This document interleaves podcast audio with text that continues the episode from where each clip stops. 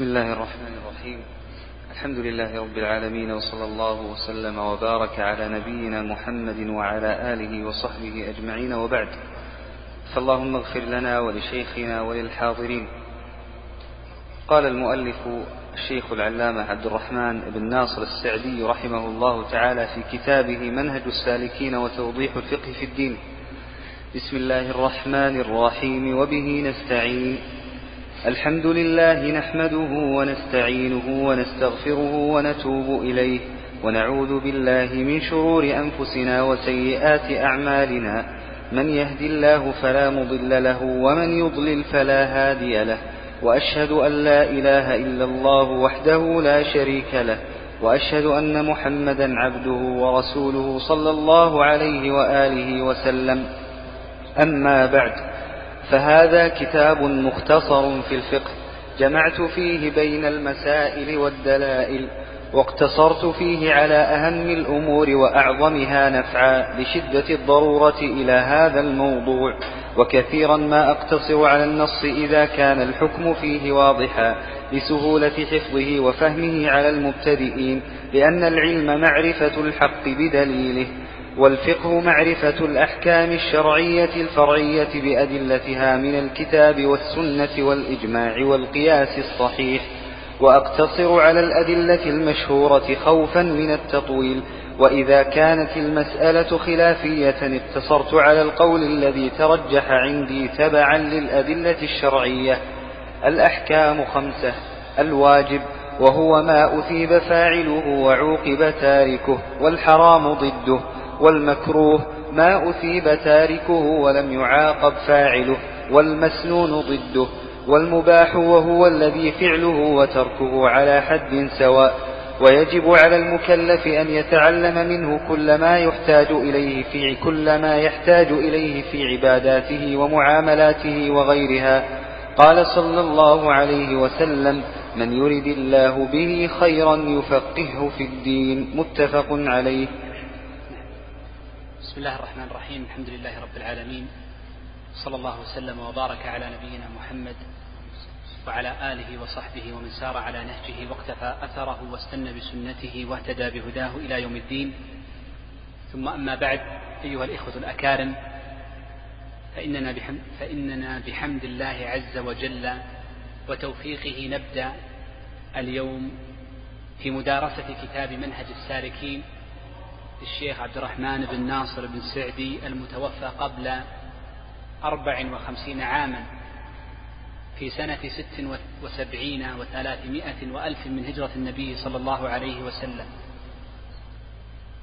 وهذا الكتاب أبان فيه المصنف رحمه الله تعالى عن طريقته ومسلكه فيه وسنتكلم عن مسلك الشيخ وطريقة الشرح حينما يتحدث الشيخ عن تعريفه بكتابه بعد قليل. ابتدأ الشيخ رحمه الله تعالى هذا المختصر بالحمدلة لله عز وجل. وقد ثبت عند أهل السنن أن النبي صلى الله عليه وآله وسلم قال كل أمر لا يبدأ فيه بحمد الله فهو أبتر. فالمسلم يفتتح صلاته بحمد الله عز وجل. ويفتتح المسلم خطبة الجمعة وحديثه بحمد الله عز وجل كما فعل النبي صلى الله عليه وسلم. بل إن السنة حتى في النكاح أن يفتتح بالحمدلة كما في حديث ابن مسعود في أن خطبة الحاجة تكون عند خطبة النكاح وكذا عند تصبح المرء في يومه فإن المرء إذا أصبح في نهاره قال الحمد لله الذي أحياني بعدما أماتني وإليه النشور.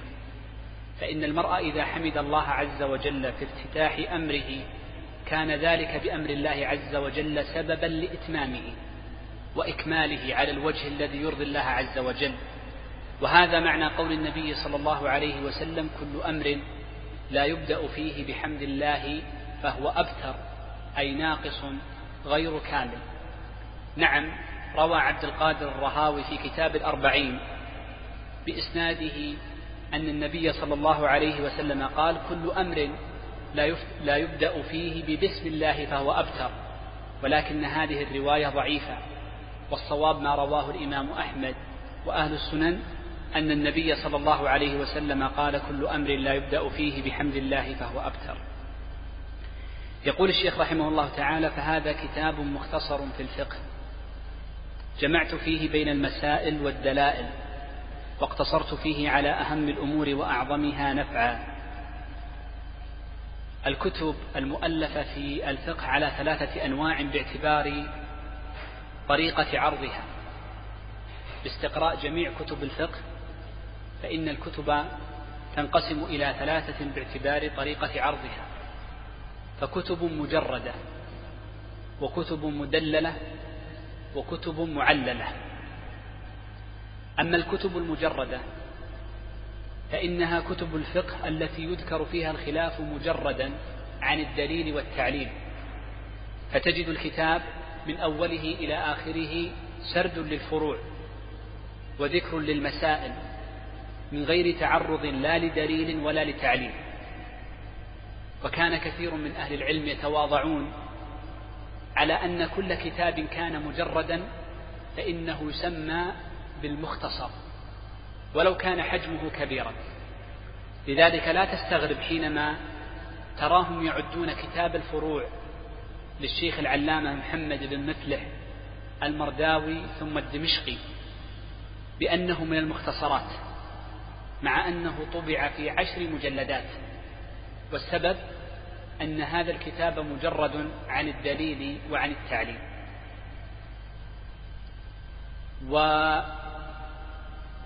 وكان الأوائل من أهل العلم ينهون طالب العلم أن يعتن أن يعتني بالمجردات من غير أدلتها. لذلك جاء أن أبا حامد الإسفرايني رحمه الله تعالى لما جاء تلميذه المحامل فألف كتابا مختصرا مجردا عن الأدلة والتعليل سماه بالمقنع غضب عليه شيخه غضبا شديدا وقال جردت الفقه جردت الفقه. ثم دعا عليه فكأنه رأى أن تجريد الفقه عن الأدلة والتعليل تجعل طالب العلم ضعيفا ومنشغلا بالنصوص عن نصوص الوحيين نصوص الأقوال عن نصوص الوحيين مع أن الواجب على المسلم أن يشتغل بنصوص الوحي لأنهما الأصل. النوع الثاني من الكتب قالوا الكتب المعللة وهي الكتب التي يذكر فيها التعليل فتذكر المسألة ويتبع المسألة تعليل وأعني بالتعليل ما يذكر على هيئة تعليل أو لأن أو يسبق بلي باللام المفيدة للتعليل ونحو ذلك. وكتب التعليل مهمة جدا لطالب العلم وخصوصا في الفقه. إذ ما من مسألة تعقب بتعليل ما من مسألة تعقب بتعليل إلا وهذا التعليل مفيد من جهات. الجهة الأولى يوضح لطالب العلم تصور المسألة تصورا تاما. فكم من امرئ قرأ مسألة من غير تعليل فلم يتضح له نطاقها. ولم يعرف فهمها الفهم التام. فإذا قرأها في الكتب المعللة قرأ الفرع مع تعليله اتضح له المراد اتضاحا تاما اتضاحا تاما. لذلك لا تعجب حينما ترى بعض المصنفين في كتب الفقه يقول وإنما ذكرت في هذا الكتاب التعليل دون التدليل. يذكر التعليل دون التدليل. والتدليل هو النصوص من الكتاب والسنة. قال لأن التعليل مفيد في الفهم وأما التدليل وهي النصوص فإن الكل يحفظ هذه النصوص بناء على أن طالب العلم قديما كان يعنى بحفظ النصوص نصوص الوحيين الفائدة الثانية من ذكر التعليل أن التعليل هو قاعدة الباب والمسألة. القواعد الفقهية والضوابط التي يذكرها الفقهاء في حقيقتها إنما هي تعاليل لمسائل.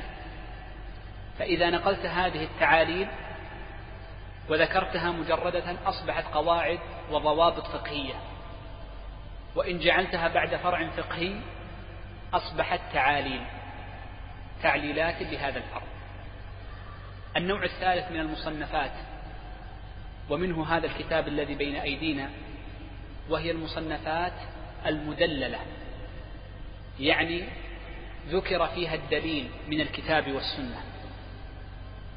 وهذا النوع من المصنفات مبارك وسهل وميسر لأنه في الغالب تكون نصوصه من نصوص الوحيين المعروفة المتداولة.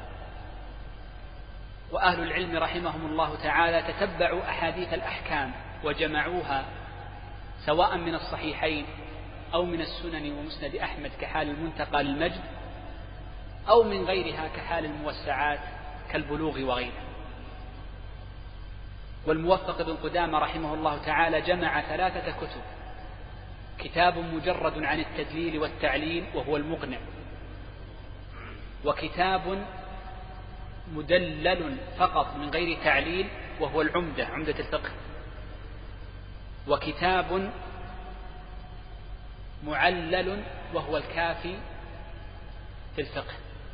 فجمع بهذه الكتب الثلاثة الطرق الثلاثة في التصنيف. والشيخ رحمه الله تعالى ارتضى الطريق الثالث وهو أن يذكر المسألة مع دليلها. وهذا الكتاب على اختصار مسائله فإنه ذكر فيها أكثر من ثلاثمائة حديث وآية في هذا الكتاب المختصر. فلذا فإن من حفظ هذا الحديث أو من حفظ هذا المتن يكاد يحفظ ثلاثمائة حديث وآية استدل بها الشيخ رحمه الله تعالى بل أكثر من هذا العدد بزيادة. نعم. يقول الشيخ رحمه الله تعالى واقتصرت فيه على أهم أهم الأمور وأعظمها نفعا لشدة الضرورة إلى هذا الموضوع. من عيوب كتب الفقه التي تجعل كثيرا من الناس لا يستطيع أن يتناولها تناولا كاملا أن فيها تفريعات كثيرة وفيها بسطا طويلا في بعض المسائل وإيغالا في ذكر الفروع. فيجعل الشخص إذا أراد أن يعرف مسألة يراجع صفحات كثيرة لكي يصل لمسألته. وهذه الطريقة أو هذه الكتب تفيد المنتهي لأنه إذا أراد الوصول إلى مسألة قرأ عشرا فاستفاد منها. لكن المبتدي المبتدئ في الفقه لا تنفعه قراءة المطولات لأنه لأنها تضيع عليه وقته ولا تكسبه شيئا من معرفة هذه المسائل. فكان الأنسب للمبتدئ كما قال الشيخ أن يبتدئ بالمختصرات ومنها هذا الكتاب الذي بين أيدينا. يقول الشيخ وكثيرا ما اقتصرت على النص إذا كان الحكم فيه واضحا لسهولة حفظه وفهمه على المبتدئين. وهذه الطريقة كطريقة الموفق في العمدة فإنه يذكر في ابتداء كل باب حديثا ويكاد أن يجعل كثير من المسائل موافقة لأحاديث المصطفى صلى الله عليه وسلم. قال وفهمه على المبتدئين لأن الشيخ جعل هذا الكتاب للمبتدئين. وقد ذكر بعض طلابه طلاب الشيخ عبد الرحمن أنه ألف هذا الكتاب سنة تسع وخمسين وثلاثمائة وألف من هجرة النبي صلى الله عليه وسلم للطلبة حينما تخرجوا من المرحلة الابتدائية. فإن طلاب المرحلة الابتدائية جعل لهم أو بعد تخرجهم من المرحلة الابتدائية جعل لهم الشيخ ابتداء هذا الكتاب. ثم لما صنفه كان يراجعه بين الفينة والفينة ويزيد فيه. فأعجب الشيخ عبد الرحمن نفسه بكتابه. فكان يحث عليه الصغار والكبار معا لأنه في غالب نصوصه إنما هي من نصوص الوحيين من الكتاب والسنة. يقول الشيخ لأن العلم معرفة الحق بدليله وهذا الحق فإن معرفة المرء المسألة بدليلها هذا هو العلم وهذا هو الفهم. قال والفقه معرفة الأحكام الشرعية بأدلتها من الكتاب والسنة والإجماع والقياس الصحيح. أتى الشيخ بهذه الجملة لفائدتين. الفائدة الأولى إفادة ما معنى الفقه. وقد جاء عن النبي صلى الله عليه وسلم فيما رواه البخاري من حديث حميد بن عبد الرحمن عن معاوية رضي الله عنه أن النبي صلى الله عليه وسلم قال من يرد الله به خيرا يفقهه في الدين. هذا اللفظ أو هذا الحديث جاء ضبطه في البخاري بضبطين. فجاء بضبط من يرد الله به خيرا يفقهه. وجاء بضبط ومن يرد الله به خيرا يفقهه بالضم. قال الحافظ بن حجر رحمه الله تعالى وهو باللفظ الأول بمعنى الفهم بمعنى العلم والمعرفة وبالمعنى الثاني هو الفهم. إذا فالفقه ليس درجة واحدة بل إن الفقه درجات متعددة. ومن كلام الإمام الشافعي رحمه الله تعالى أنه كان يقول الفقه كالتفاح الشامي سهل التناول. في ابتدائه سهل كل يستطيع تناوله وكل يعرف أو يستطيع أن يستحضر فروعا فقهية متنوعة ولكنه في منتهاه صعب. لا يصل في إلى درجاته المتقدمة إلا من بذل فيه وقتا كثيرا. وأتعب بدنه ورزق فهما وتوفيقا من الله عز وجل قبل ذلك.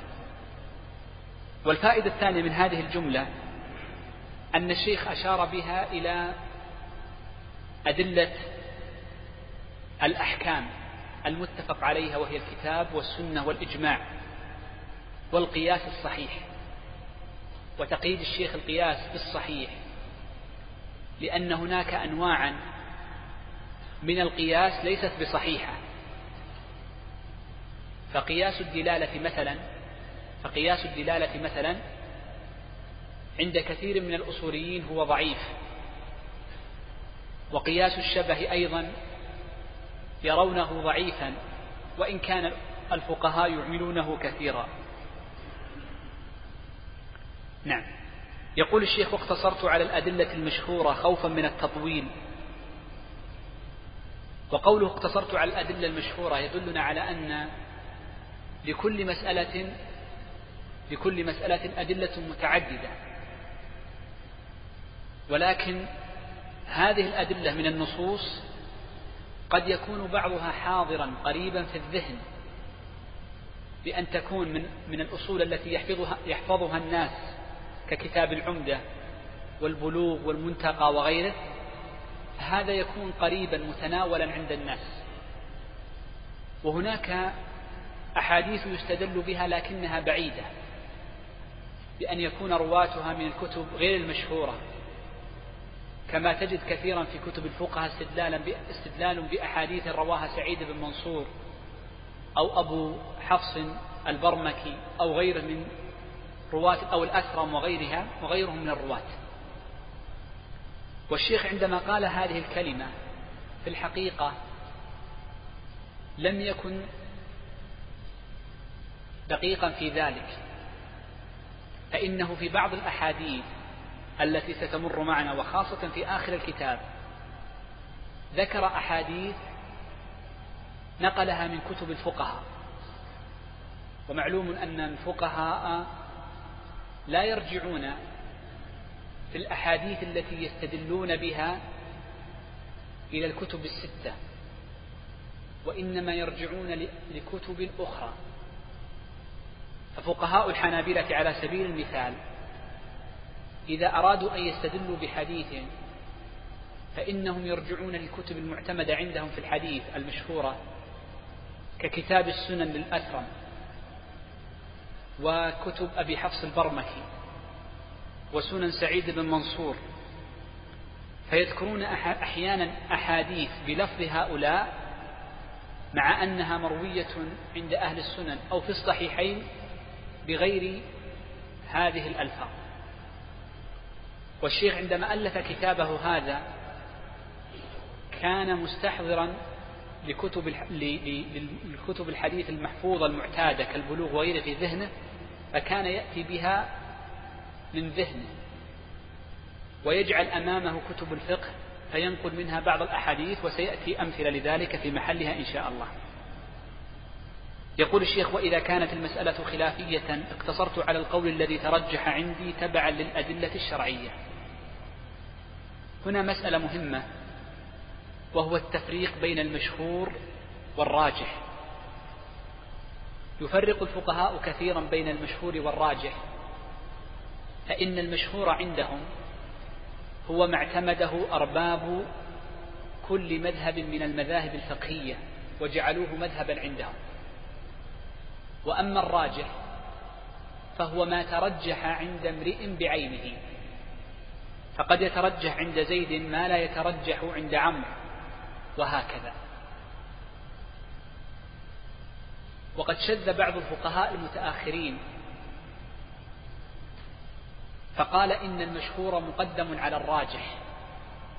وهذا القول في غاية البطلان ولا شك فإنه يجب على المسلم أن يقدم الراجح على المشهور وإن كان المشهور لا يلغى وإنما يستفاد منه في التفقه وفي التعلم وفي استظهار المسائل ولكن يجب تقديم الراجح على المشهور ولكن يجب على المسلم أن يعرف أن الترجيح ليس لكل أحد ليس لكل أحد أن يرجح. إذ الترجيح مرقاه صعب.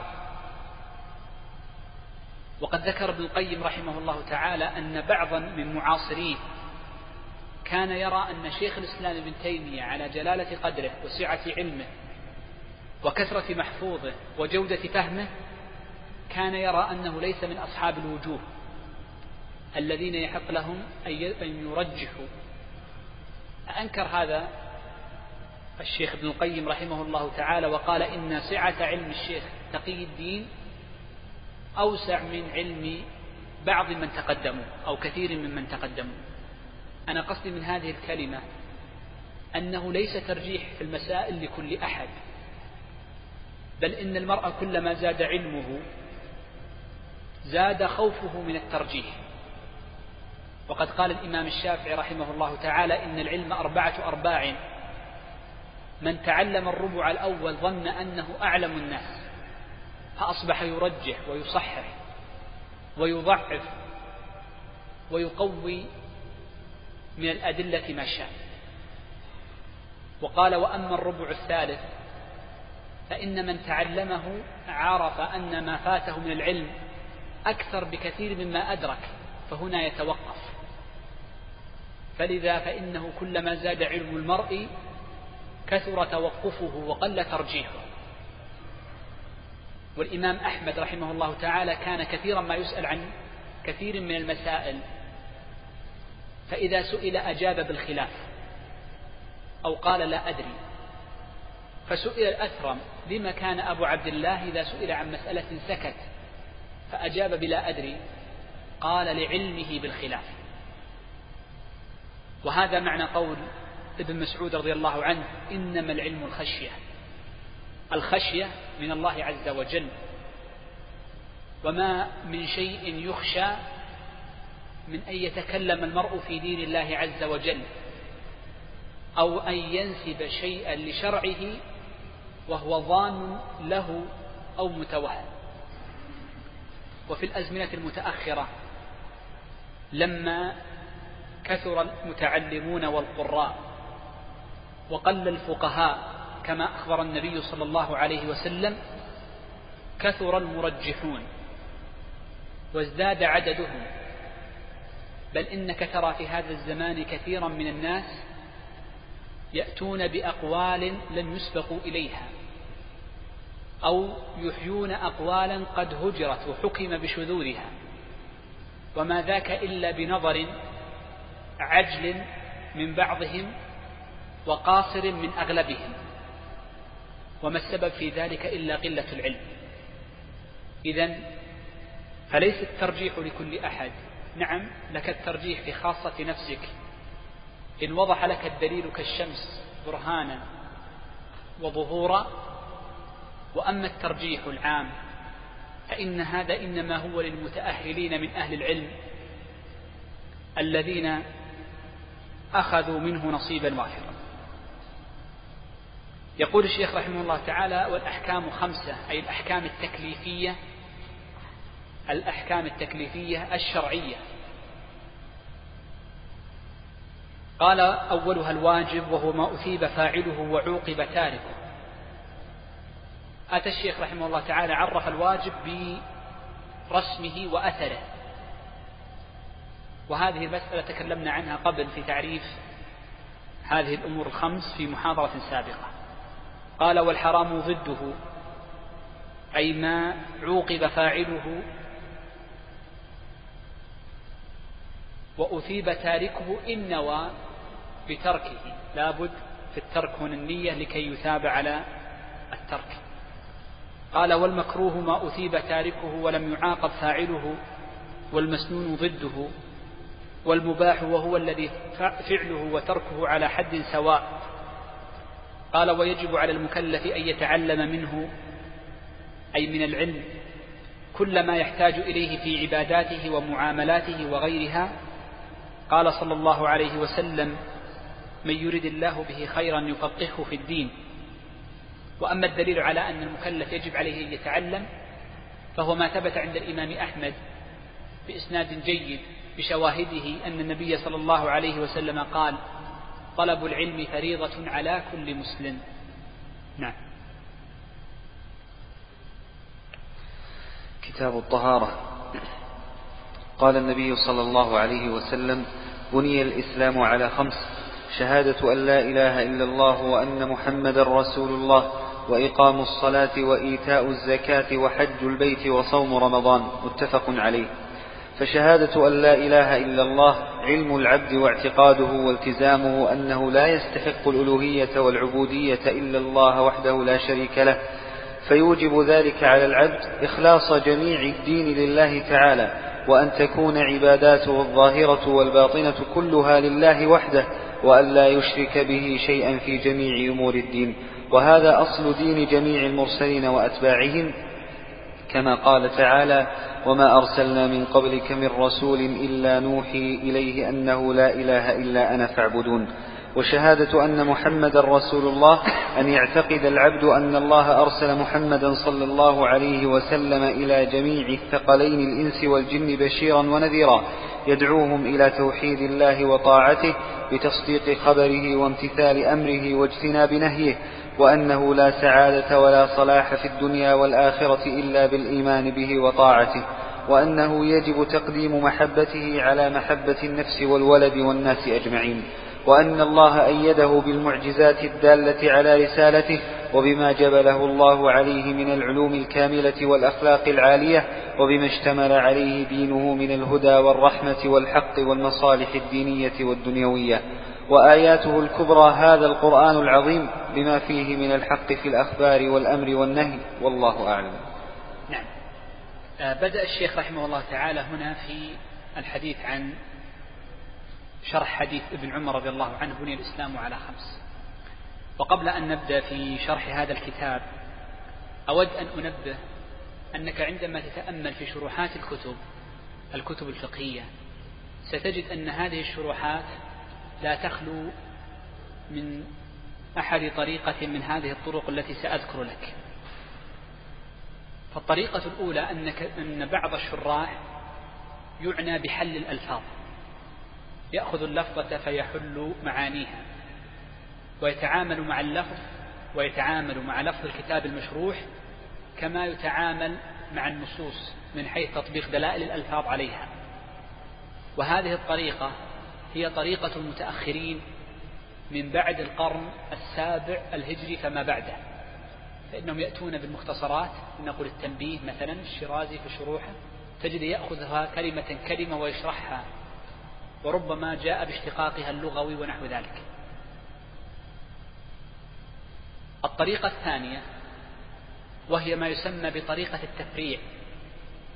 أن تذكر المسألة المراد شرحها ثم تفرع.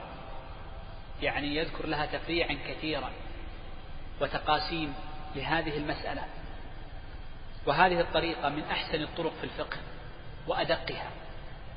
وهي التي فعلها الماوردي في شرحه لمختصر المزني فإنه في كتاب الحاوي شرح مختصر المزني وكانت طريقته على هذه الهيئة يأتي بجملة من كلام المزني ثم بعد ذلك يفرع عليها فروعا فيقول إن هذه المسألة يتفرع عليها كذا وكذا وكذا. لا يحل ألفاظ الجملة الجملة انتهى لأن كلامها و... لأن لأن لفظها واضح.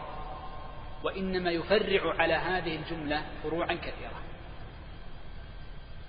والمسلك الثالث من يذكر الأدلة فتكون من باب التدليل للمتون المجردة. وهذا أيضا موجود في كتب المتأخرين كثيرا جدا. والطريقة الرابعة من يذكر الخلاف سواء كان خلافا نازلا أي مذهبيا كما نجد ذلك في كتاب الإنصاف للقاضي علاء الدين المرداوي فإنه شرح المقنع فيأتي بالمسألة ثم يذكر الخلاف فيها فقط. ومثله كتاب العزيز للرافعي عندما شرح الوجيز للغزالي فإنه يذكر المسألة والخلاف هذا هو قصده. ومنهم من يجمع كطريقة الموفق في المغني وطريقة ابن أبي عمر في الشرح الكبير وغيرها أما نحن في الشرح بمشيئة الله عز وجل فإن الألفاظ في هذا المتن واضحة لا تحتاج إلى حل. واضحة جدا وسهلة العبارة جدا فلا تحتاج إلى حل وليس فيها ضمائر. فلن نقف مع حل الألفاظ كثيرا. وأما الأدلة فإن جل المسائل مدلل عليها جل المسائل مدلل عليها. وما لم يدلل عليه سنذكر دليلها على سبيل التتميم لها. وأما ذكر الخلاف فإني لن أذكر الخلاف مطلقا لأن ذكر الخلاف قد يشتت الذهن. والشيخ رحمه الله تعالى قصد عدم ذكر الخلاف فإنه سبق معنا قبل ذلك أنه قال وإذا كانت المسألة خلافية اقتصرت على القول الذي ترجح عندي لكن ربما أشير في بعض المسائل للمشهور من المذهب لكي من كان يراجع الكتب المشهورة يعرف الخلاف في هذه المسألة من باب الاستظهار فقط. وسيكون طريقتنا بمشيئة الله عز وجل على طريقة التفريع. فكل مسألة سنذكر لها فروعا وأمثلة. وربما كان في كثير من المسائل نقاش من الجميع في هذه المسألة. وتفريع وذكر بعض المحترزات من هذه المسائل. الشيخ رحمه الله تعالى أراد أن يبدأ كتابه بحديث فبدأ بحديث عظيم قاله النبي صلى الله عليه وسلم روي في الصحيحين من حديث ابن عمر وحديث أبيه ومن حديث غيرهما رضي الله عن الجميع. النبي صلى الله عليه وسلم قال بني الإسلام على خمس شهادة أن لا إله إلا الله وأن محمدا رسول الله وإقام الصلاة وإيتاء الزكاة وحج البيت وصوم رمضان. وهذا الترتيب جاء في بعض الأحاديث على خلاف ذلك. فبدأ الشيخ بذكر الشهادتين وهو ليس بدع في ذلك فإن كثيرا من الفقهاء يذكرون مسائل التوحيد والعقيدة في كتب الفقه. بل إن الإمام أبا حنيفة رحمه الله تعالى سمى علم التوحيد بالفقه الأكبر لأنه علم بالله عز وجل. وهذا الفقه وهو معرفة الفروع هو الفقه الأصغر لأنه علم بأحكام الله عز وجل التي تعبد العباد بها. ومن الأئمة الذين ذكروا مقدمة في العقائد في كتبهم ابن أبي موسى في كتابه الإرشاد. وهو كتاب عظيم ذكر في مقدمته مسائل التوحيد ثم شرحها شرحها هو نفسه ونقل بعض شرحه الشيخ تقي الدين في كتابه درء تعارض العقل والنقل. فبدأ بأول أركان الشيخ رحمه الله تعالى فقال شهادة أن لا إله إلا الله هي علم العبد واعتقاده والتزامه أنه لا يستحق الألوهية والعبودية إلا الله وحده لا شريك له. أولا علم. فلا تكون شهادة إلا بعلم. فاعلم أنه لا إله إلا الله. فلا بد من العلم. ولكن العلم وحده غير كاف. غير كاف. فلا بد مع العلم من الاعتقاد. من الاعتقاد بصدق هذا المعلوم. فمن الناس من يعلم هذا الشيء لكنه لا يعتقد صدقه. ومع ذلك فإن الاعتقاد أيضا غير كاف فلا بد فيه من الالتزام. فإن إبليس عالم أنه لا إله إلا الله ومعتقد صحة ذلك لكنه لم يلتزم لم يلتزم بمعناها فلذا كان كافرا بالله عز وجل. فعلم العبد واعتقاده والتزامه أنه لا يستحق الألوهية والعبودية إلا الله وحده. لما قلنا إلا الله ولم نقل إلا الله؟ نحن لماذا جعل لماذا رفعنا هذه اللفظة الله ولم ننصبها؟ تمشي لا لا. نحو نحو هذا ما ليس بالمعنى. لا ليس باب فاعل يا شيخ. سبحان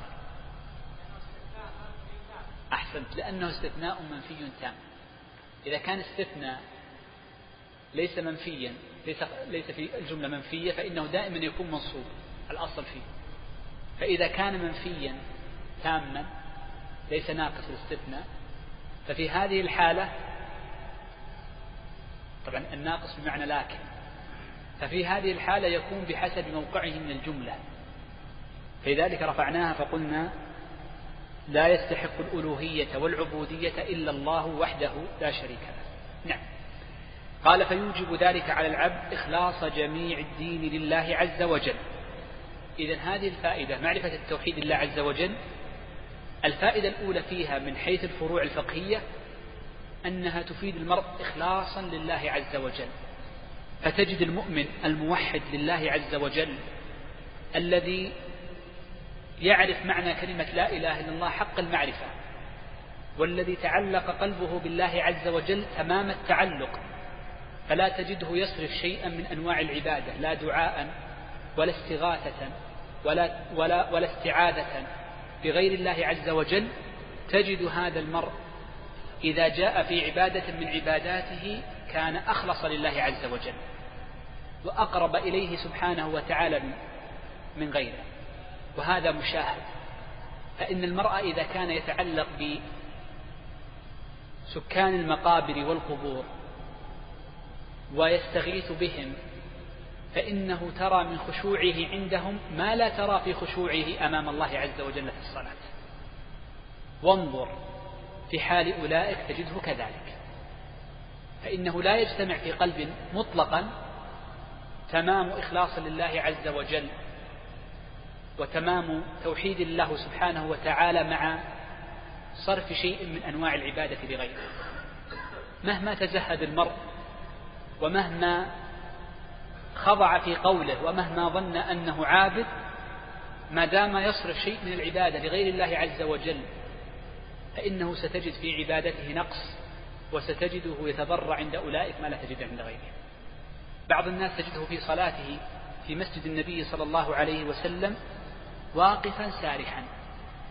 فإذا قرب من قبر المصطفى صلى الله عليه وسلم رأيت من علامات الخشوع ومن آثار التأثر ما لا تجده عندما يكون في صلاته. وما ذاك إلا بسبب نقص في إخلاص قلبه ولأنه لم يصرف كمال العبادة له سبحانه وتعالى. فلذلك يجب على المرء قبل أن يتعلم الفروع وأن يفعل العبادات أن يخلص العبادة كاملة له سبحانه وتعالى. نعم. قال وأن تكون عباداته الظاهرة والباطنة كلها لله وحده لا شريك له. وأن لا يشرك به شيئا في جميع أمور دينه جل وعلا. قال وهذا أصل دين جميع المرسلين وأتباعهم. كما قال تعالى وما أرسلنا من قبلك من رسول إلا نوحي إليه أنه لا إله إلا أنا فاعبدون. إذا فلا إله إلا الله كل الأنبياء وكل المرسلين جاءوا بها وبمعناها وبلفظها. وهذا معنى قول النبي صلى الله عليه وسلم الأنبياء إخوة علات. أبوهم واحد وأمهاتهم شتى. فمن جانب التوحيد فهم متفقون لكنهم يختلفون في الفروع التي ستأتي. يقول الشيخ وشهادة أن محمد رسول الله معناها أن يعتقد العبد أن الله أرسل محمدا إلى جميع الثقلين الإنس والجن بشيرا ونذيرا. يدعوهم إلى توحيد الله وطاعته. إذا الأمر الأول في معنى شهادة أن محمد رسول الله أن يعلم ويعتقد المرء أن الله عز وجل أرسل محمدا لجميع الناس الإنس والجن بشيرا ونذيرا لتوحيد الله عز وجل. والأمر الثاني من مقتضيات شهادة أن محمد رسول الله صلى الله عليه وسلم قال تصديق خبره. تصديق خبره أي ما أخبر به النبي صلى الله عليه وسلم. وما أخبر به النبي صلى الله عليه وسلم على نوعين. إخبار عما مضى. إخبار عما مضى. من أخبار الحوادث السابقة كخلق آدم وأخبار النبيين ونحو ذلك. والنوع الثاني إخبار عما سيأتي. مما سيكون في عرصات يوم القيامة وأشراط الساعة ونحو ذلك. والأمر الثالث إخباره عن الله عز وجل. فإن النبي صلى الله عليه وسلم أخبر عن الله عز وجل في صفاته ونعوته وأفعاله جل وعلا. فيجب أن نصدق النبي صلى الله عليه وسلم في هذه الأخبار الثلاثة جميعا ونؤمن بها جميعا من غير تكلف في تأويلها لأنها أخبار. والنبي صلى الله عليه وسلم في الأخبار وغيرها أوتي جوامع الكلم فما من لفظة ولا حرف جاء به إلا وله دلالته ومعناه كما جاء به النبي صلى الله عليه وسلم. وقد كان النبي صلى الله عليه وسلم إنما يخاطب أعرابا لا يقرؤون ولا يكتبون مما يدل على أن الأخبار بأقسامها الثلاثة السابقة الأصل فيها أن تبقى على ظواهرها.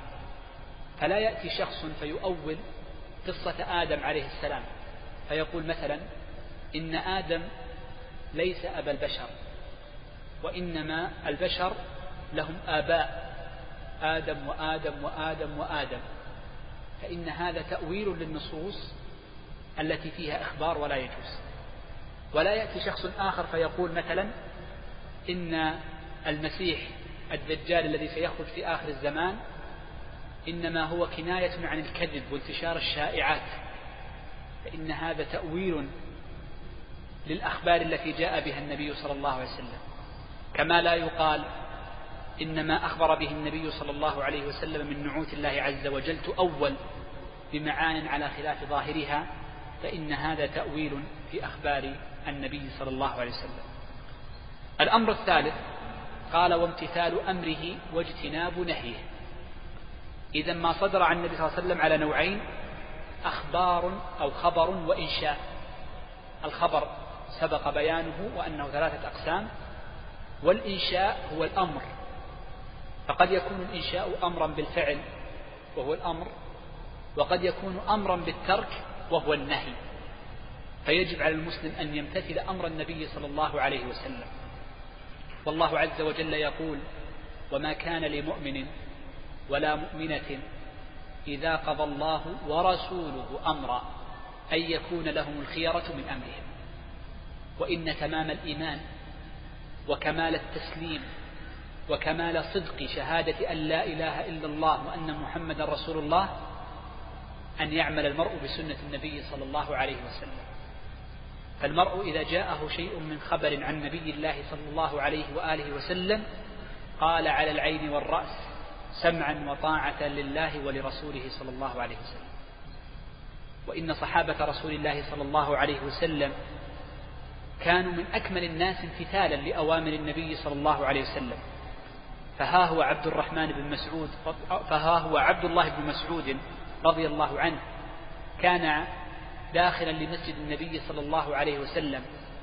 فسمع النبي صلى الله عليه وسلم وهو يقول لرجلين في المسجد يتلاحيان ويختصمان. يقول لهم النبي صلى الله عليه وسلم اجلسوا فيقف ابن مسعود رضي الله عنه عند الباب جالسا أمامه سادا له.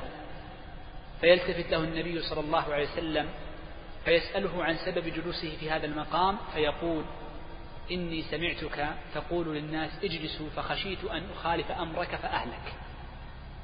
لم يتأول ولم يبحث عن رخصة وإنما قال سمعا وطاعة لله ورسوله. أبو سعيد الخدري لما جاءت زكاة الفطر قال فأما أنا لما اجتهد بعض الصحابة رضوان الله عليهم وهو معاوية فقال أرى أن مدا مدا من البر والحنطة السوداء تعادل مدين من غيرها. قال أبو موسى فأما أنا فلا أخرجها إلا كما كنت أخرجها على عهد رسول الله صلى الله عليه وسلم صاعا من طعام. فكمال الامتثال لأمر النبي صلى الله عليه وسلم هو كمال الإيمان بالله عز وجل. يقول وأنه لا سعادة ولا صلاح في الدنيا والآخرة إلا بالإيمان به وطاعته وأنه يجب تقديم محبته على محبة النفس والولد والناس أجمعين. نعم لا شك. النبي صلى الله عليه وسلم يجب تقديم محبته على أولئك جميعا.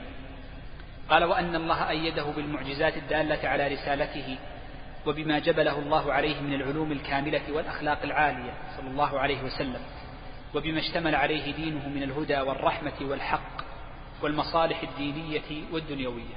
أشار الشيخ رحمه الله تعالى في هذه الجملة إلى أن الجملة الأخيرة أشار إلى أن هذه الأحكام الشرعية مبنية على المصالح على المصالح. وعقيدة أهل السنة والجماعة أن الله عز وجل يأمر عباده وأن في أمره لعباده مصلحة وأن, في أمر وأن أمره لعباده فيه مصلحة. وهذه عقيدة أهل السنة والجماعة خلافا للمعتزلة الذين يقولون إن الله يجب أن يأمر بالأصلح فإن هذا قول ليس فيه أدب مع الجبار جل وعلا. يقول الشيخ وآيته الكبرى هذا القرآن العظيم بما فيه من الحق في الأخبار والأمر والنهي. والله أعلم. إلى هنا انتهى الشيخ في المقدمة وبدأ الشيخ في الحديث عن الفقه من الفصل الذي بعده. لعل نقرأ جملتين أو ثلاثا لأن الوقت أوشك على الانتهاء فصل في المياه. وأما الصلاة فلها شروط تتقدم عليها فمنها الطهارة كما قال النبي صلى الله عليه وسلم لا يقبل الله صلاة بغير طهور. متفق عليه. فمن لم يتطهر من الحدث الأكبر والأصغر والنجاسة فلا صلاة له. والطهارة نوعان. أحدهما الطهارة بالماء وهي الأصل. فكل ماء نزل من السماء أو نبع من الأرض فهو طهور يطهر من الأحداث والأخباث ولو تغير لونه أو طعمه أو ريحه بشيء طاهر كما قال النبي صلى الله عليه وسلم إن الماء طهور لا ينجسه شيء. رواه أهل السنن وهو صحيح. فإن تغير أحد أوصافه بنجاسة فهو نجس يجب اجتنابه. نعم. آه بدأ الشيخ رحمه الله تعالى بالصلاة. فقال فصل وأما الصلاة وأما الصلاة. آه هذه في المياه ليست موجودة في أصل الذي كتبه الشيخ رحمه الله تعالى. والشيخ وافق في هذه الطريقة أنه بدأ بالصلاة مباشرة. وجعل الحديث عن الطهارة وعن المياه في أثنائه وافق فيها بعض الفقهاء المتقدمين ومنهم الشيخ محمد بن عبد الوهاب. فإن الشيخ محمد في كتاب شروط الصلاة ذكر شروط الصلاة وضمنها شروط الوضوء ونواقضه وصفته. فبدأ الشيخ بالصلاة فقال وأما الصلاة فلها شروط تتقدم عليها. وقد شابهت هذه عبارة الزاد. فإن عبارة الزاد نحو هذه العبارة فإنه قال والصلاة لها شروط تتقدم عليها منها دخول الوقت والطهارة. وهذا يدل على أن الشيخ كان مستحضرا للمختصرات الفقهية في ذهنه وحفظ المختصرات له فائدته وتقدم الحديث عنها قبله. قال فمنها الطهارة كما قال النبي صلى الله عليه وسلم لا يقبل الله صلاة بغير طهور متفق عليه. هذا الحديث أتى به الشيخ رحمه الله تعالى من ذهنه لأن الحديث روي بلفظين اللفظ الأول لا يقبل الله صلاة أحدكم إذا أحدث حتى يتوضأ وهذا من أحاديث العمدة كما لا يخفى على الجميع. رواه الشيخان بهذا الحديث. وجاء في رواية أخرى في في في في, في مسلم من حديث ابن عمر أن النبي صلى الله عليه وسلم قال لا تقبل صلاة بغير طهور. لا تقبل. لا تقبل. فلذلك الشيخ أتى بهذا الحديث من ذهنه أو نقله من كتب الفقهاء فإنهم يذكرون أحاديث أحيانا على غير الألفاظ المشهورة. الطهارة هي شرط متقدم على الصلاة. فيجب التطهر. ولا تصح صلاة بلا طهارة مطلقة. والأشياء التي يتطهر منها نوعان كما ذكر الشيخ. أحدها الحدث الأصغر والآخر هو الحدث الأكبر. والأمر الثالث هو النجاسة. فهذه ثلاثة أشياء. أولا الحدث الأكبر والثاني هو الحدث الأصغر والثالث هو النجاسة. نبدأ بالنوع الأول وهو الحدث الأكبر. الحدث الأكبر والأصغر هذه تسمى أوصاف حكمية. الأحداث تسمى أوصافا حكمية لأنها ليست حسية. عندما ينتقض وضوء امرئ بنوم أو ببول أو غائط ونحو ذلك لا يرى بالعين أن فلانا قد انتقض وضوءه يعرف يلمس وإنما هو وصف حكمي. يرتفع هذا الوصف بالتطهر. سواء بالماء أو بالتراب. بخلاف النجاسات بخلاف النجاسات. فإن النجاسة وصف حسي وصف حسي يمس أو يرى بالعين أو يشم أو يذاق. إذا فهو وصف حسي. الحديث عن النجاسة سيأتي إن شاء الله في محلها. لكني أردت أن أبين مسألة قبل أن ننتقل لأنواع الطهارة. أن بعض الفقهاء عندما تكلموا عن النجاسات وتكلموا عن أنواع المياه ذكروا فروعا كثيرة أوغلوا فيها. وهذه الفروع أوقعت كثيرا من الناس في الوسواس. فأضرب لكم مثالا في النجاسات. فإن بعض الفقهاء حكموا على أشياء أنها من النجاسات مع أنها ليست بمحسوسة فمثلا قالوا إن النجاسة إذا وقعت على ثوب ولم تطهره أنت ولكنه خفي عليك مكانه فإنه يحكم بأن الثوب نجس. نقول هذا غير صحيح. القاعدة أن النجاسة إذا لم يبق لها أثر سواء بتطهير منك أو بدون تطهير منك فإنها تعتبر قد ارتفعت. والسبب أن النجاسة وصف ماذا؟ حسي وليست وصفا حكميا. الوصف الحكمي هو الذي لا بد فيه من التطهر وإن لم يوجد التطهر فلا. بخلاف النجاسة فإن التطهير يوجد إذا وجد المحسوس. فإذا انتفى المحسوس ولو وحده بشمس أو بريح أو بزمان فإنه يعتبر قد طهر. مثال ذلك. لو أن امرأ أو لو أن بولا من غلام وقع على أرض لنقل بلاط مثلا فتركته يومين أو ثلاثة ثم جئت ولم تغسلها فنظرت فإذا به لا يوجد أثر لهذا البول مطلقا. فنحكم هنا أن هذه الأرض ماذا؟ طاهرة. ثوبي هذا وقعت عليه نجاسة. ثم جئت بعد قليل فلم أجد له أثرا. بعد قليل بعد فترة بعد ولو أيام. فلم أجد له أثرا. نقول ما دام ذهب الأثر فإنه معفو. يعتبر تطهر وحده. لكن انظر بعض الثياب تكون لونها غامق والنجاسة فيها لا يبان لا يظهر لونها مثل بعض السجاد ونحوه. إذا وقعت عليه النجاسة فلو لم تطهرها ولو أنها باقية مع الألوان تختلط. فهنا نقول لست متيقنا من ذهاب لونها لأن الألوان مختلطة. هذه مسألة أخرى غير المسألة التي هي قبل قليل. طيب. إذا قلنا المسألة الأولى أن النجاسة وصف ماذا؟ حسي لا بد يعني إذا ذهب عينها فإنه تكون قد طهرت. يقول الشيخ والطهارة نوعان. أحدها الطهارة بالماء وهي الأصل. طبعا والنوع الثاني من الطهارة هي الطهارة طهارة التيمم طهارة التيمم بالتراب. قال الطهارة بالماء وهي الأصل. ومعنى كونها الأصل أي أنه لا يجوز الصيرورة لغيرها مع وجودها. وقد ثبت عن النبي صلى الله عليه وسلم أنه قال الصعيد طهور المؤمن وإن لم يجد الماء عشر سنين فإذا وجد الماء فليتق الله وليمسه بشرته. فدل على أن الأصل إذا وجد الماء فيجب أن يتوضأ به الماء المرء. وقول الشيخ هنا رحمه الله تعالى وهو وهي الأصل أي في الثلاثة الأمور السابقة. في رفع الحدث الأكبر وفي رفع الحدث الأصغر وهي الأصل في ماذا؟ في إزالة النجاسة. سأعود مرة أخرى لإزالة النجاسة.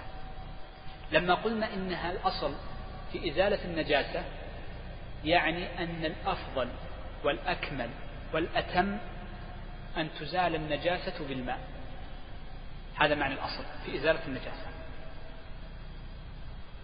ولكن يجوز إزالتها بغير الماء على الراجح. على الراجح. أما المذهب فإنه لا يجوز إزالة النجاسة إلا بالماء. لو لو أزلتها بغير الماء لا يجوز. لكن على الراجح الذي يفتي به طبعا كل ما في الكتاب هذا ذكره الشيخ الراجح هو الذي يفتى به عندنا هنا في الغالب. على الراجح فإن النجاسة على الراجح فإن النجاسة تزول بالماء وهو الأفضل وتزول بغيره.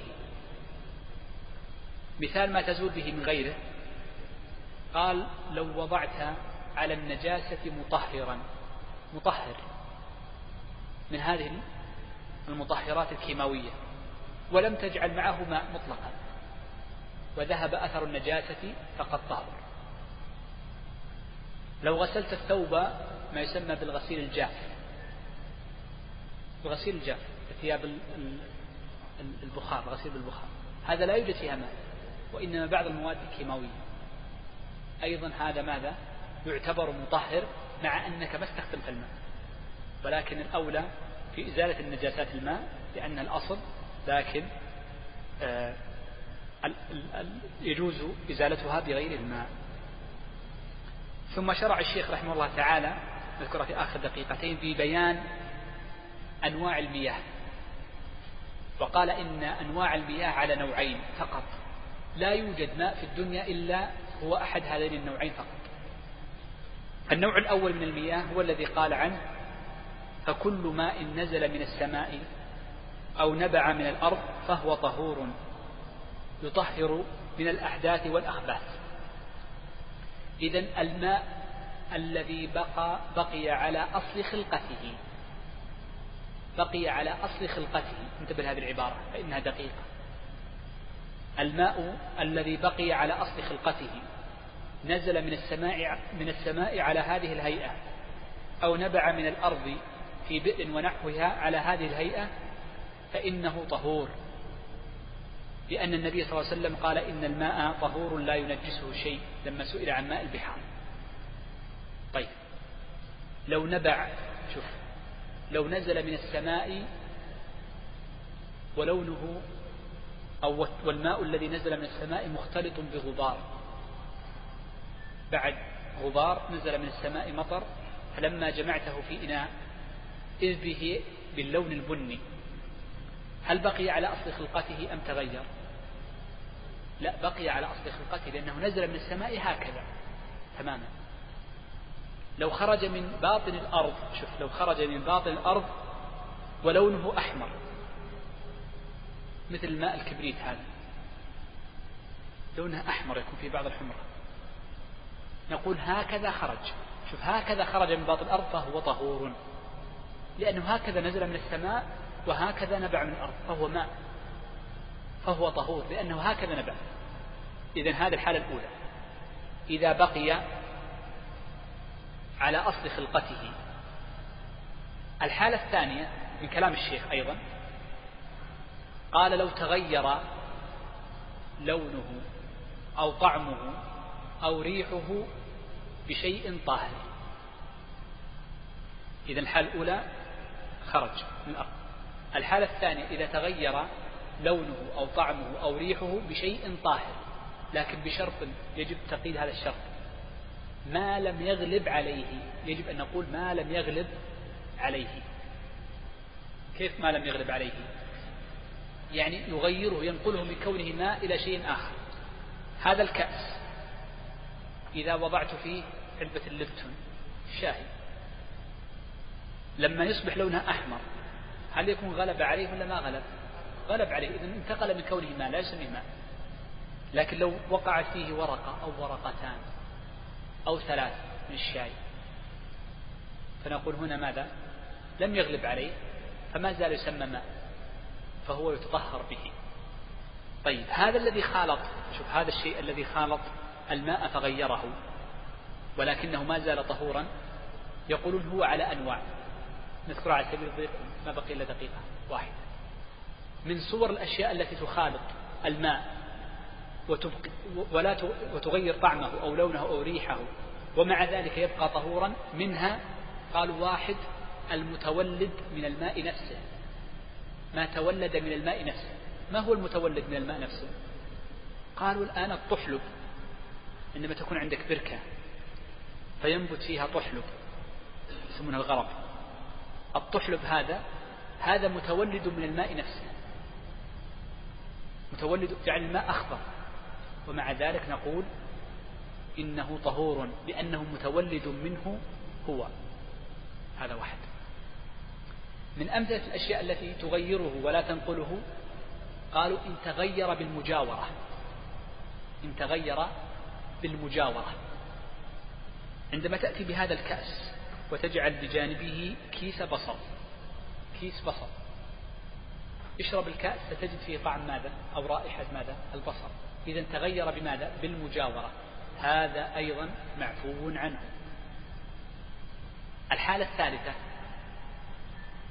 أن يوضع فيه بفعل آدمي أن يوضع فيه بفعل آدمي شيء لا يمتزج به منفصل عنه. شيء منفصل عنه. مثل ماذا؟ قالوا مثل الزيت. فإن الزيت إذا سكبته فوق الماء سيكون منفصلا فوقه. تستطيع أن تفصل. ومع ذلك نقول إنه بقي الماء طهورا. من الأشياء التي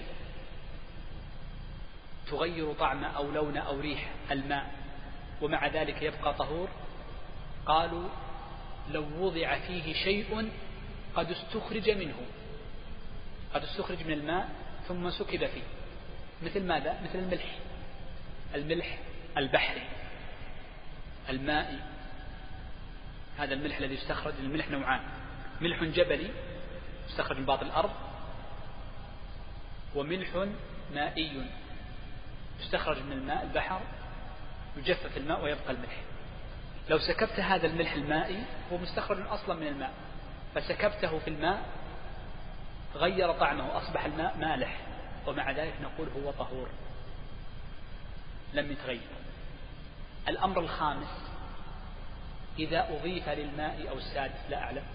إذا أضيف للماء شيء أضيف بفعل آدمي شيء ممتزج به أخرجنا غير الممتزج ليس متولدا منه ليس أصلا فيه ولكنه لم يغلب عليه. مثل لو أضيف للماء ملح عادي ليس ملح بحري وإنما ملح جبلي أو ملح أرضي. أو أضيف له سكر يسير. أو أضيف له ورد. يعني عندي كأس كبير جدا. وأضفت له نقط من ماء الورد. ماء الورد. أما ماء الورد فهو عطر في الأصل. لا يسمى ماء. لكن أضفت في بعض الماء ماء ورد. نقطتين أو ثلاث. فوجد فيه طعم ماذا؟ ماء الورد. فهنا نقول أيضا هذا الماء يسمى ماذا؟ ماء طهور. متى لا يسمى ماء طهورا؟ إذا غلب عليه. ماء الورد هذا أصلا ليس ماء ماء ورد. لكن ماء فيه نقط ماء الورد يبقى ماء. فيجوز التوضؤ بالأول بخلاف غيره مثل الشاي والقهوة. نعم. أختم بهذه الجملة. قال كما قال النبي صلى الله عليه وسلم إن الماء طهور لا ينجسه شيء. رواه أهل السنن وهو صحيح أي الحديث صحيح. قال فإن تغير أحد أوصافه ما هي الأوصاف الثلاثة؟ اللون والطعم والريح بنجاسة فهو نجس لأنه جاء في رواية عند ابن ماجه من حديث أبي سعيد رضي الله عنه نفس الحديث السابق قال إن الماء طهور لا ينجسه شيء إلا ما غلب على طعمه أو لونه أو ريحه. فنص النبي صلى الله عليه وسلم على أن إذا غلب غلبه أحد الأمور الثلاثة فإنه لا يصبح حالئذ طهورا أي غلبه بنجاسته قال فهو نجس يجب اجتنابه. فهو نجس يجب اجتنابه. إلى هنا انتهت هذه الجملة لكني سأذكر مسألتين أو ثلاثة. آه، أمثلة لما سبق وأريد منكم إجابة عليها. لو أن ماء عندنا ووقع في هذا الماء نجاسة يسيرة. نجاسة يسيرة. نجاسة. فهل يجوز استخدام هذا الماء في وضوء ونحوه أم لا؟ مثال ذلك. عندي ماء كثير ماء كثير أو قليل يعني كأس أو كأسان لا كأس مستقبح جدا. لنقول بركة صغيرة. فبال فيها صبي. بال فيها صبي. فهل يجوز التوضؤ منها أم لا يجوز؟ ما رأيكم؟ على القاعدة ذكرت لكم لم أذكر خلافا. سمي شيخي. لا ما تغير. بركة يا شيخ. إذا يجوز. لكن انتبه. الماء إذا علمت أن فيه بولا أو غائطا من آدمي فإنه يكره كراهة شديدة أن تتوضأ منه. أو أن تشرب منه. لأن النبي صلى الله عليه وسلم قال أو النبي صلى الله عليه وسلم نهى أن يبول المرء من إناء أن يبول الماء الدائم ثم يتوضأ منه أو فيه. فالنبي صلى الله عليه وسلم إنما نهى عن الجمع بينهما على أحد التأويلات لأن المرء أو عن أن يرى المرء هذا الشيء. إما لكي لا يفسد على غيره بالبول وإما لكي لا يقع في الوسواس فإن المرء إذا شرب, شرب من ماء يعلم أن فيه بول أو أنه توضأ من ماء قليل يعني راكد مثل بركة ويعلم أن فيها بول فقد جاء في بعض الأحاديث أن عامة الوسواس منه هو الذي يسبب الشخص الوسواس. فلذلك هو يجوز لك الوضوء لكن الأولى والأكمل لك أن تتوضأ من غيره إن علمت ذلك. فهو منهي عن الجمع بينهما عن الجمع بين أن الشخص يبول ويشرب من هذا الماء, الماء الدائم ومنهي عن البول وحده ومنهي عن الوضوء في الماء الدائم إذا علم أن غيره قد بال فيه. هذا مثال. يجزئ يجوز لكن مكروه نهي كراهة ليس نهي تحريم. حرام أن تبول. البول, البول حرام. في الماء الدائم. يحرم على الشخص أن يبول في ماء دائم لأنه يسده على غيره. لكن يجوز استخدامه. ربما خانت العبارة. يجوز استخدام الماء للوضوء وللشرب حتى. النهي جاء إما للجمع بينهما ثم نهى النبي صلى الله عليه وسلم عن أن يبول حيث أبي هريرة في الصحيحين أن يبول أحدكم في الماء الدائم ثم يتوضأ منه أو فيه فيكون النهي عن الاثنين وجاء في رواية و فيكون نهي عن الوضوء عن عن البول في الماء الدائم وهو نهي تحريم لأن إفساد والنبي صلى الله عليه وسلم نهى عن البول في ظل الناس وطريقهم تحريما وكذلك البول في مائهم. ونهي عن الوضوء لكن نهي كراهة وليس نهي تحريم. من الفقهاء من يرى أنه نهي تحريم للنجاسة وهذا قول بعيد. ولكن الصحيح قرر جمع من أهل العلم أن النهي إنما هو للكراهة وليس للتحريم. لذلك المذهب الفائدة المذهب يقولون إن الماء إذا لم يكن مستبحرا ليس كثيرا ووقع فيه بول أو عذرة آدمي فهو نجس ولو لم يتغير. فعندهم أن البركة إذا وقع فيها ولو بول يسير من آدمي ولو بول صبي صغير يعني نقاط قليلة فهو نجس لا يجوز الوضوء منه. ففهموا من الحديث التحريم النجاسة. والأقرب جمعا بين الأدلة إنما النهي للكراهة الشديدة وليس للتحريم وهو ما نص عليه الشافعي رحمه الله تعالى. بذلك نكون قد أخذنا الوقت خمس دقائق زيادة. أسأل الله عز وجل الجميع التوفيق والسداد. صلى الله وسلم على نبينا محمد.